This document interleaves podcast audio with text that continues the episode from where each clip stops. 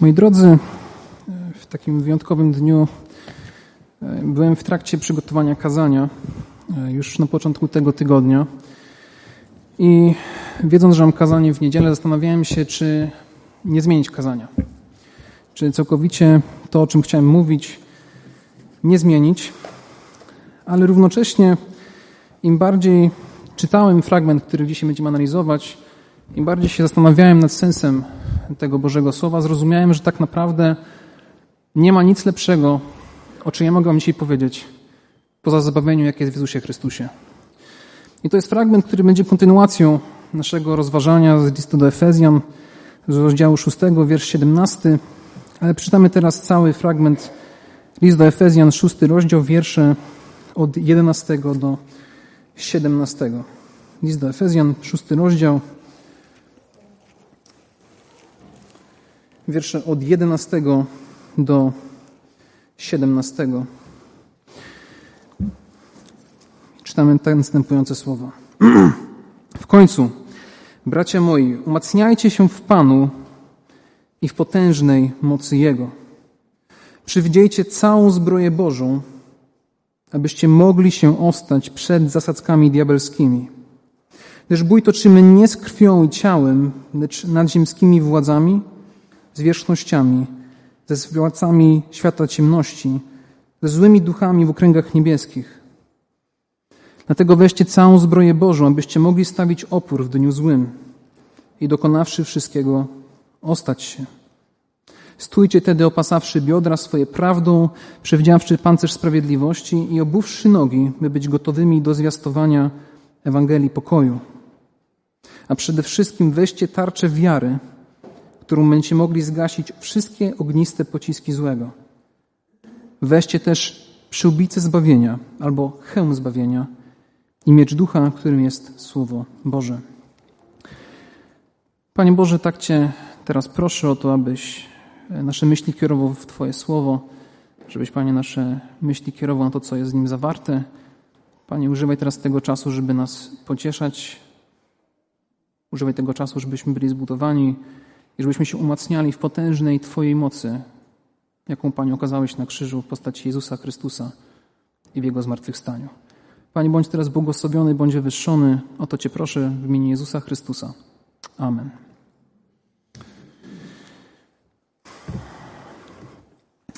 Fragment, jaki dzisiaj analizujemy albo nad jakim się zastanawiamy, zasadniczo będzie mówił o zbawieniu, jakie jest w naszym Panu Jezusie Chrystusie i w nadziei, jaka z tego zbawienia płynie. To przesłanie dla wierzących chrześcijan od czasów nowotestamentowych jest przesłaniem, które właśnie daje pokój i daje siłę do wytrwałości w obliczu różnych cierpień, z jakimi przyszło akurat tamtym chrześcijanom czas doświadczyć albo się mierzyć. I dzisiaj też mamy różne doświadczenia, niektóre są nam bliższe, niektóre są nam dalsze, ale równocześnie, jeżeli to przesłanie było aktualne dla nich, to moi drodzy, ono jest również aktualne dla nas dzisiaj. I mam nadzieję, że będziemy w stanie to dzisiaj dobrze zobaczyć. Rozpoczynając to rozważanie, musimy zwrócić uwagę na to, że apostoł Paweł, pisząc o przyłbicy zbawienia, on ten list już kieruje do ludzi wierzących. Więc kiedy jest mowa o tym, żeby wziąć hełm zbawienia, to nie jest mowa o tym, żeby się nawrócić. To nie jest mowa o tym, żeby teraz tego zbawienia zyskać. Raczej trzeba to postrzegać troszkę w innym kontekście, skoro cały ten fragment jest już kierowany do ludzi, którzy zostali wyrwani z mocy ciemności, przeniesieni do Królestwa Światłości. Apostoł Paweł pisze tutaj o hełmie jako pewnym narzędziu, które ma chronić przed atakami wroga, a w tym konkretnym przypadku ataków kierowanych na głowę. Nasza głowa, nasz umysł, nasze myśli, to jak postrzegamy świat, jest obiektem wielu ataków wroga, wielu ataków szatana. Pod kątem różnych wątpliwości, strachów, czasami porządliwości. To mogą być nasze wewnętrzne problemy, to mogą być zewnętrzne. To wszystko jest używane tylko po to, żeby nasze myśli nie były kierowane w stronę Boga. Żeby nasze myśli były skupione na tym, co jest tu i teraz, a nie na tym, kim jest Bóg. To nie jest mowa o zaufaniu do Boga, bo o tym była mowa, kiedy patrzyliśmy na tarczę wiary. O tym, że ufamy Bogu, ponieważ wiemy, jaki Bóg jest. Tutaj jest mowa o zbawieniu, o pewnym umocnieniu się w swoim zbawieniu. I można to uznać, tak jak wielu komentatorów, za upewnienie się w swoim zbawieniu. Chcemy być pewni swojego zbawienia w czasach, kiedy świat się wali, kiedy są ogromne ataki. My chcemy wiedzieć, dokąd idziemy. Bo kiedy wiemy, dokąd idziemy, to bez względu na to, co by się nie działo, mamy pokój. Jest pokój. Więc pytanie, czym jest pewność zbawienia? Pewność zbawienia to świadomość duszy, że dzięki odkupieńczej łasce Chrystusa dusza została całkowicie wyzwolona spod władzy zła i spod konsekwencji sądu. Jest ona dokładnym przeciwieństwem pewności siebie, która polega na tym, że ja coś zrobiłem i coś z tego mam. Raczej pewność zbawienia jest radosnym przyjęciem i doświadczeniem pełni Chrystusa. Jest to radosne poczucie bezpieczeństwa, że jesteśmy w rękach Boga i już nic nas z tych rąk nie wyciągnie. Doświadczamy przez to wolności i oczekujemy upragnionego życia wiecznego w Nim. Oczekujemy upragnionego życia wiecznego w Nim. Możemy zasadniczo ludzi wydzielić na cztery grupy. Pierwsza grupa to ludzie niewierzący, którzy wiedzą, że nie mają pewności zbawienia. Są to ludzie, którzy całkowicie się od Boga odwracają, nie chcą nic, nic, nie chcą nic mieć z Bogiem wspólnego i tej pewności na pewno nie mają, bo nie chcą. Mówią, że Boga nie ma, może nie wiedzą, czy Bóg jest, ale po prostu nic z Bogiem nie chcą mieć wspólnego. Druga grupa to są ludzie niewierzący, którzy mają pewność zbawienia. Ktoś może pytać, jak człowiek niewierzący może mieć pewność zbawienia? Może mieć pewność zbawienia na podstawie tego, w co tą pewność pokłada. Jeżeli pokłada pewność w tym, że Bóg w jakiś sposób zlituje się nad wszystkimi równocześnie i nie będzie patrzył na to, w co wierzy, jakie ma przekonania, i ufa w taki uniwersalizm, taki wujek dobro. To chyba takie popularne spojrzenie współcześnie, że nie wiem jak to będzie, ale może Bóg na mnie zwróci uwagę, kiedy czas przyjdzie. I w tym się pokłada swoją pewność zbawienia. Czasami ludzie, którzy przychodzą do kościoła, mają inne podejście. Mówią, dobrze, chodzę do tego jednego konkretnego kościoła i z racji tego, że jestem częścią tego kościoła, to Bóg na mnie spojrzy. Albo może jestem członkiem jakiegoś kościoła i pokładam nadzieję w swoim członkostwie, albo w tym, co robię. I w tym kładę swoją nadzieję, gdzie to wszystko jest dalekie od Ewangelii. Trzecia grupa to ludzie wierzący, którzy nie mają pewności zbawienia. Ci, którzy się borykają w swojej wierze, ci, którzy ciągle gdzieś w swojej wierze nie są pewni tego, czy dobrze zaufali, może ich życie nie wygląda tak, jakby chcieli. Jeszcze ich życie nie wygląda tak, jak tego oczekujemy. Często może być to związane z jakimś grzechem w życiu, który gdzieś tam od wewnątrz nas nęci. Czasami to jest jakaś wątpliwość, która wiąże się z tym, że jeszcze nie wiem, czy do końca to, co w piśmie jest dokładnie tym, co się wydarzy. I mogą być ludzie wierzący, którzy mają ufność w Chrystusa, ale to nie jest taka pełna ufność w to, że jednak zaufając Chrystusowi mam życie wieczne. I to jest człowiek, który jest chwiejny w swojej wierze. Czwarta grupa to ludzie, którzy są wierzący i mają pewność zbawienia. Mają pokój i ten pokój jest w ich życiu widoczny. Nie boją się tego, co ich spotka, ponieważ wiedzą, dokąd idą. I to, co jest ważne, jest to, żebyśmy mieli świadomość swojego zbawienia.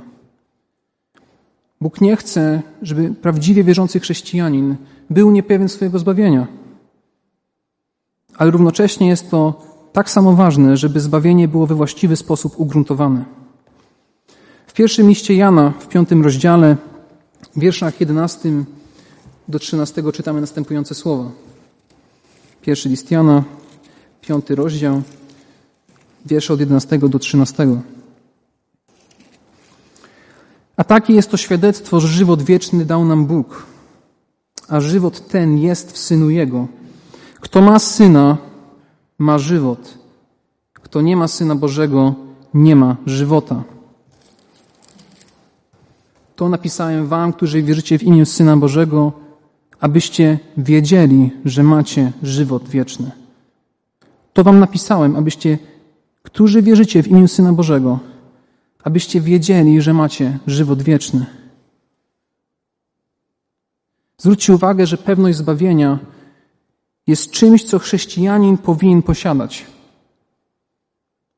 A jeśli ma to posiadać, oznacza to, że jest to mu potrzebne. My potrzebujemy pewności zbawienia w naszym życiu, moi drodzy.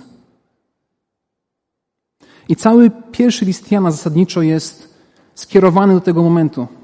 Jest wiele rzeczy, które Jan w swoim pierwszym liście tłumaczy do wierzących, do których pisze, żeby ich upewnić właśnie w tym, że dobrze zaufali i że ich zaufanie jest we właściwym miejscu ulokowane.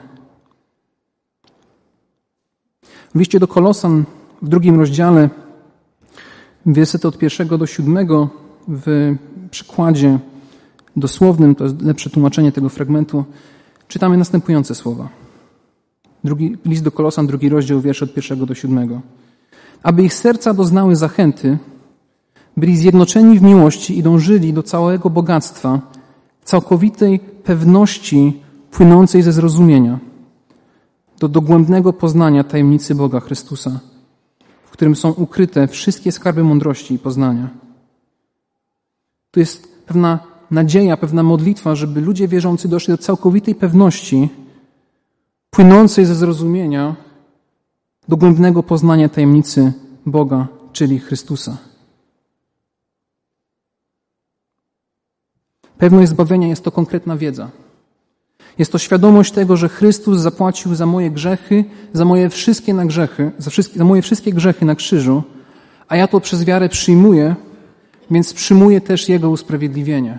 Jestem sprawiedliwy w Bożych oczach na podstawie dzieła Chrystusa.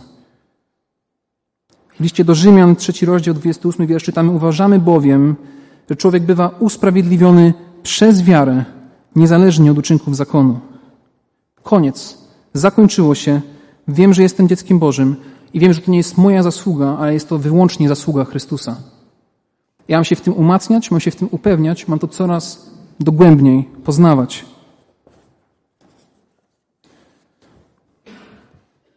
Równocześnie widać na podstawie listu do Kolosan, który czytaliśmy, że pewność zbawienia wiąże się z pewnym celowym dążeniem do lepszego poznania Chrystusa.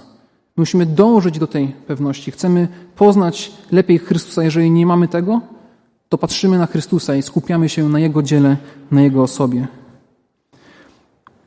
I to, co jest ciekawe, jest to, że apostoł Paweł zachęcał tego doktrynalnego, teologicznego zgłębiania Chrystusa właśnie po to, żeby nikt nie zwodził podstępnymi wywodami.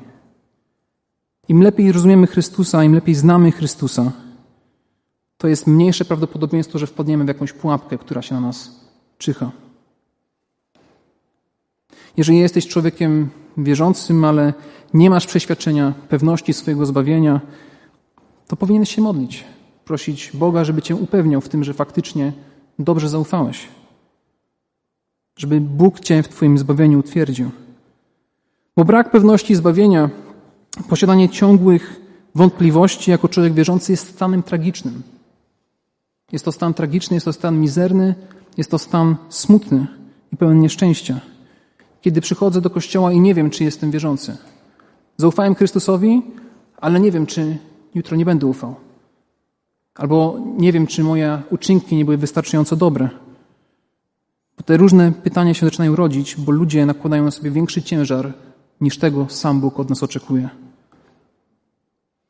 Pewność, że chrześcijanin nigdy nie może być oddzielony od miłości Bożej, jest jedną z największych pociech życia chrześcijańskiego. Kiedy odrzucamy takie spojrzenie, to odbieramy sobie podstawy do jakiejkolwiek radości wynikającej z tego, że Chrystus prawdziwie zapłacił za nasze grzechy. I pytanie, które się rodzi, skąd mogę wiedzieć, że mam pewność zbawienia? Skąd mogę wiedzieć, że jestem zbawiony? Czy jest to jakieś uczucie, którego mogę doświadczyć? Czy jest jakieś przeświadczenie, którego mogę zrozumieć? I w pewien sposób tak jest. Z racji tego, że mamy Ducha Świętego, który poświadcza nam, czytamy w liście do Galacjan w czwartym rozdziale, a ponieważ jesteście synami, to Bóg zesłał Ducha Syna swego do serc waszych, wołającego Abba Ojcze.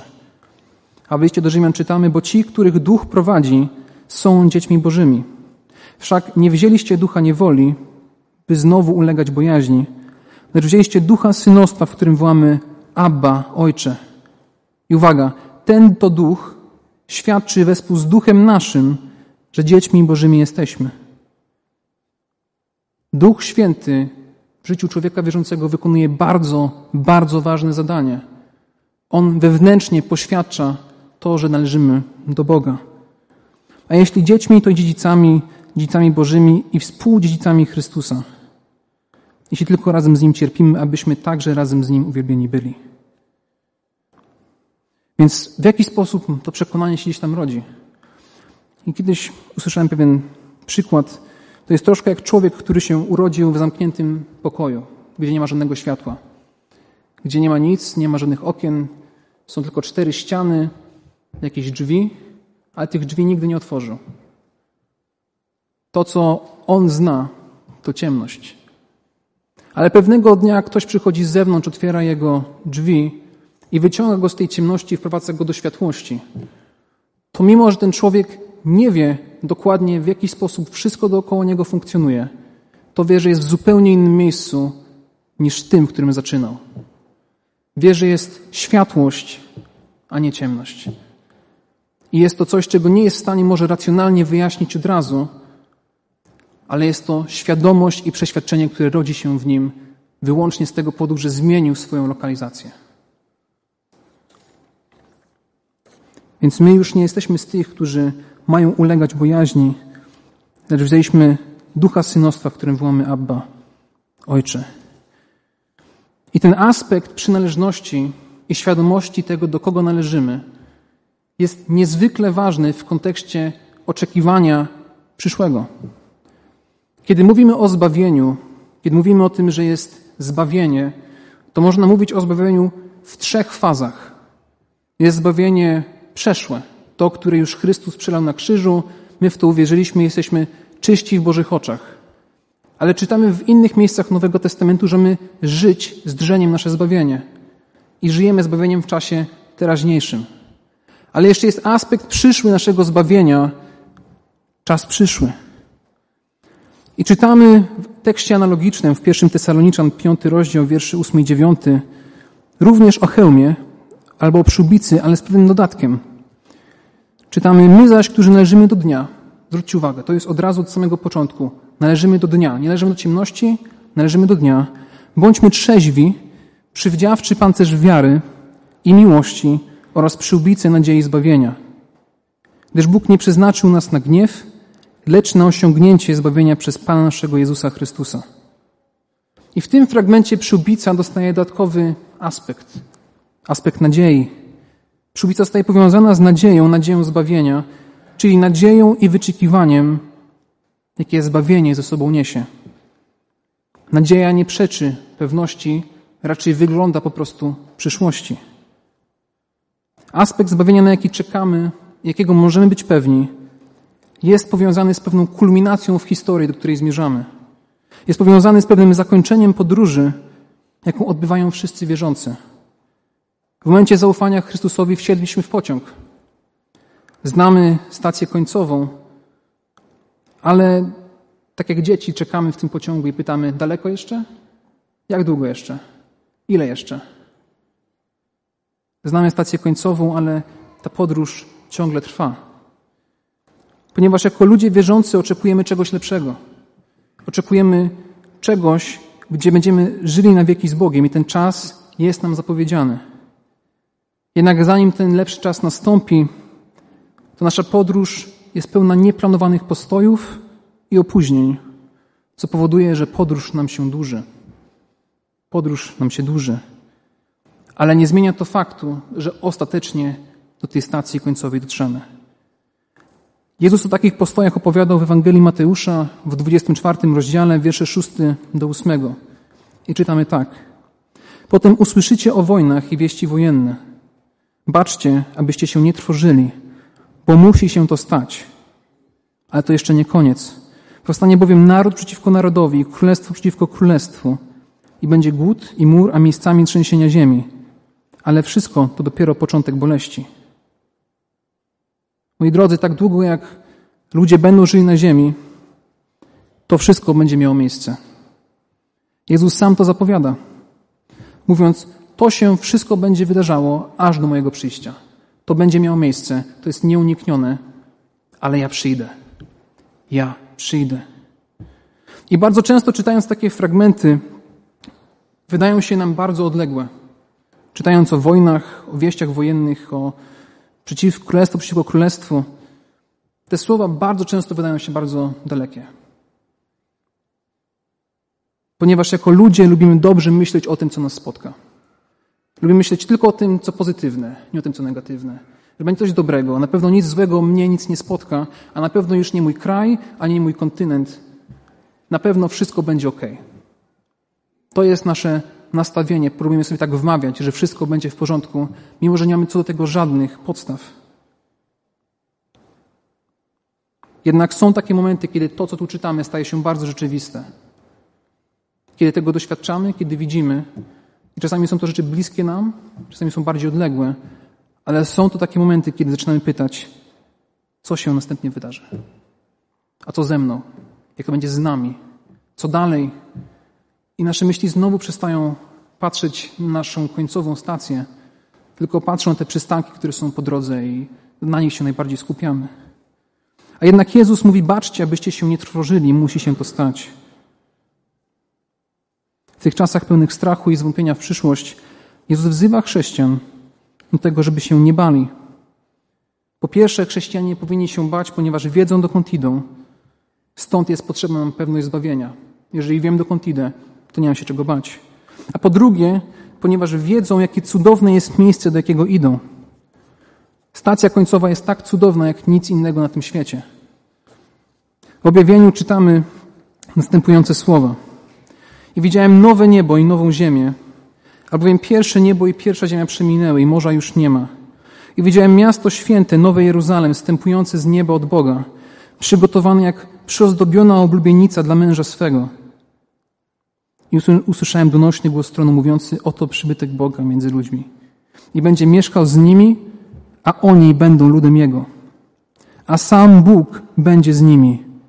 I otrze wszelką łez, łzę z ich oczu i śmierci już nie będzie, ani smutku, ani krzyku, ani mozołu już nie będzie. Albowiem pierwsze rzeczy przeminęły. I rzekł ten, który siedział na tronie, oto wszystko nowym czynię.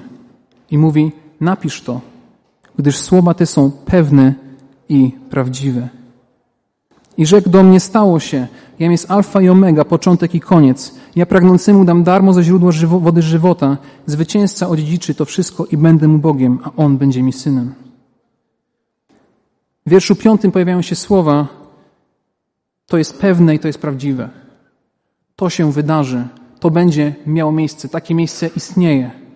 Gdyby Bóg chciał, żeby ludzie wierzący nie byli pewni miejsca, do którego zmierzają, napisałby, napisz to i może się stanie. Albo i to może będzie prawdą.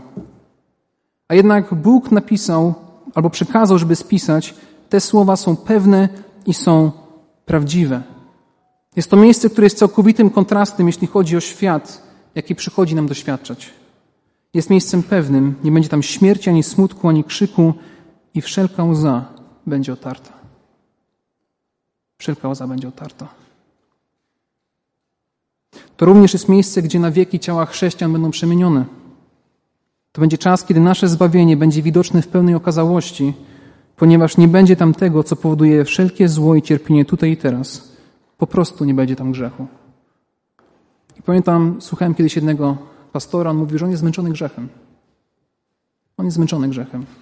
I wydaje się, że im bardziej człowiek dorasta w swoim życiu wierzącym, tak jest. Męczy nas nasz grzech osobisty, męczy nas grzech otaczającego świata, męczy nas zło, cierpienie i oczekujemy lepszego miejsca.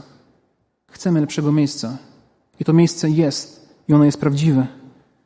I będzie w tym miejscu coś, co będzie tak niesamowite, co przekracza w jakikolwiek sposób czasami możliwości naszego poznania. Ponieważ w tym miejscu nasze ciała będą idealne, będą dostrojone do ciała naszego Pana Jezusa Chrystusa i będziemy tam w tak zwanym stanie uwielbionym. Będziemy jak Chrystus i zobaczymy Go tam w pełni. Będziemy takimi, jakim On jest. Ponieważ do tego ostatecznie przeznaczeni są wierzący. Do tego, żeby się stać całkowitymi, idealnymi na wzór naszego Pana Jezusa. Całkowicie wolni, całkowicie wolni od grzechu, od wpływów złych mocy duchowych, całkowicie czyści i bez mazy na wieki. Jest to kulminacja naszego zbawienia. To jest to, czego wyczekujemy. Jest to szczególnie widoczne w liście do Rzymian w ósmym rozdziale. Zachęcam do tego, żeby otworzyć ten rozdział. List do Rzymian, ósmy rozdział, wiersze 29 do 30.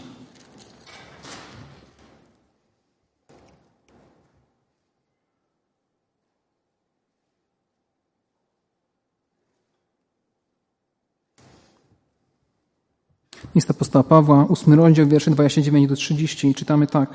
Bo tych, których przedtem znał, przeznaczył właśnie, aby się stali podobni do obrazu Syna Jego.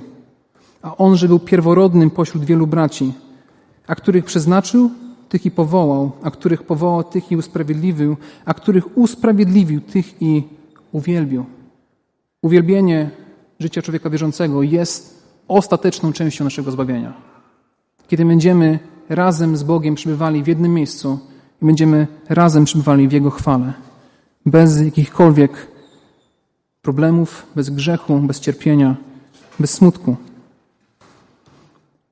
I jest to ogromny przejaw Bożej łaski, ponieważ Bóg z ludzi na nic nie zasługujących tworzy sobie lud, z jakim chce żyć na wieki i będzie żył z nim na wieki. Drogi bracie, siostro, czy wiesz, że będziesz żyła, będziesz żył z Bogiem na wieki? I to w takim miejscu, gdzie nie będzie ani cierpienia, ani smutku, ale będzie radość. Będzie prawdziwa radość z tego, że Bóg jest z nami. I można powiedzieć, że to będzie trwało aż do skończenia czasu, ale czas się nie skończy. I to jest kolejna rzecz, która trochę przekracza nasze możliwości. Będziemy zawsze z Bogiem. A drugą rzeczą, która będzie miała miejsce przy kulminacji czasu, jest to, że Bóg jest sprawiedliwy. I Bóg wyla swój sprawiedliwy sąd nad tymi, którzy do Niego nie należą. I czasami nam się wydaje, że w świecie są ludzie, którzy są ponad prawem, którzy nie odpowiadają za swoje uczynki, przed nikim nie odpowiadają. Moi drodzy, jest sędzia, przed którym nikt, który ucieka tutaj przed sędziami, nie ucieknie. Jest miejsce, że każdy będzie zdawał swoją sprawę przed Bogiem. I o tym też czytamy w objawieniu, gdzie czytamy: Udziałem zaś bojaźliwych i niewierzących i skalanych, i zabójców, i przeteczników, i czarowników, i bałwochwalców, i wszystkich kłamców będzie jezioro płonące ogniem i siarką. To jest śmierć druga. Jeżeli ktoś tutaj ucieka przed sądem, to przy sądzie ostatecznym nie będzie miał takiej możliwości. I nam się czasami wydaje, że są ludzie, którzy są ponad prawem. I kiedy się czyta Stary Testament proroków mniejszych szczególności, to widzimy, że są to różni władcy, są to urzędnicy, są to różni ludzie, którzy nam się wydaje, że w jakiś sposób radzą sobie w tym świecie. Albo czynią rzeczy, które nam się wydaje, że nigdy nie będą we właściwy sposób ukarane. I być może na tym świecie nie będą. Jest taka możliwość. Ale będzie ktoś, kto właściwie osądzi. I moi drodzy, nie ma znaczenia, kim jesteś. Jest nadzieja dla każdego, kto dziś zaufa Chrystusowi, że nie będzie musiał ponosić tej kary, ponieważ tę karę poniósł już sam Chrystus na krzyżu. Każdy, bez względu na to, kim jest, cokolwiek by nie zrobił, jeżeli zaufa Chrystusowi, Bóg okaże mu swoją łaskę. I jest to znowu coś, co nas czasami przeraża. Nas to czasami przeraża. I moi drodzy, my też kiedyś tacy byliśmy. Byliśmy częścią Królestwa Ciemności, ale teraz jesteśmy częścią Królestwa Światłości. I skoro jesteśmy w nowym adresie, w nowym miejscu, to powinniśmy z wyczekiwaniem patrzeć na to, co przed nami. Więc moi drodzy, jesteśmy wezwani do tego, żeby wzmacniać się w swoim zbawieniu. Do tego, żeby nabierać coraz większej pewności naszego zbawienia, jest coraz lepsze rozumienie ofiary i dzieła Chrystusa. Pewność zbawienia nie ma służyć naszej pysze, tego, że jaki jestem wspaniały, że Bóg to w moim życiu uczynił. Wręcz przeciwnie, ma to służyć radości i pokojowi w naszym życiu. A także napełniać nas wdzięcznością za to, co Chrystus dla nas uczynił. A druga rzecz jest taka, że jesteśmy wezwani do tego, żeby trwać w nadziei naszego zbawienia, w nadziei życia wiecznego do czasu, aż w końcu tego dostąpimy. Ostatni przystanek kolei jest znany, ale po drodze będą miały turbulencje. To będzie miało miejsce. Ale pomimo tego mamy oczekiwać radości od czasu, kiedy nie będzie ani śmierci, ani smutku, ani krzyku, ani chorób, ani słabości, ani cierpienia i wszystkiego tego, co jest złe na tym świecie. Ja tego nie chcę. Ja chcę lepszego czasu, kiedy będę mógł wieczność spędzić z Chrystusem. Każda łza będzie otarta, a my będziemy już podobni naszego Pana Jezusa Chrystusa i nasze życie będzie prawdziwie przemienione w pełni. Amen.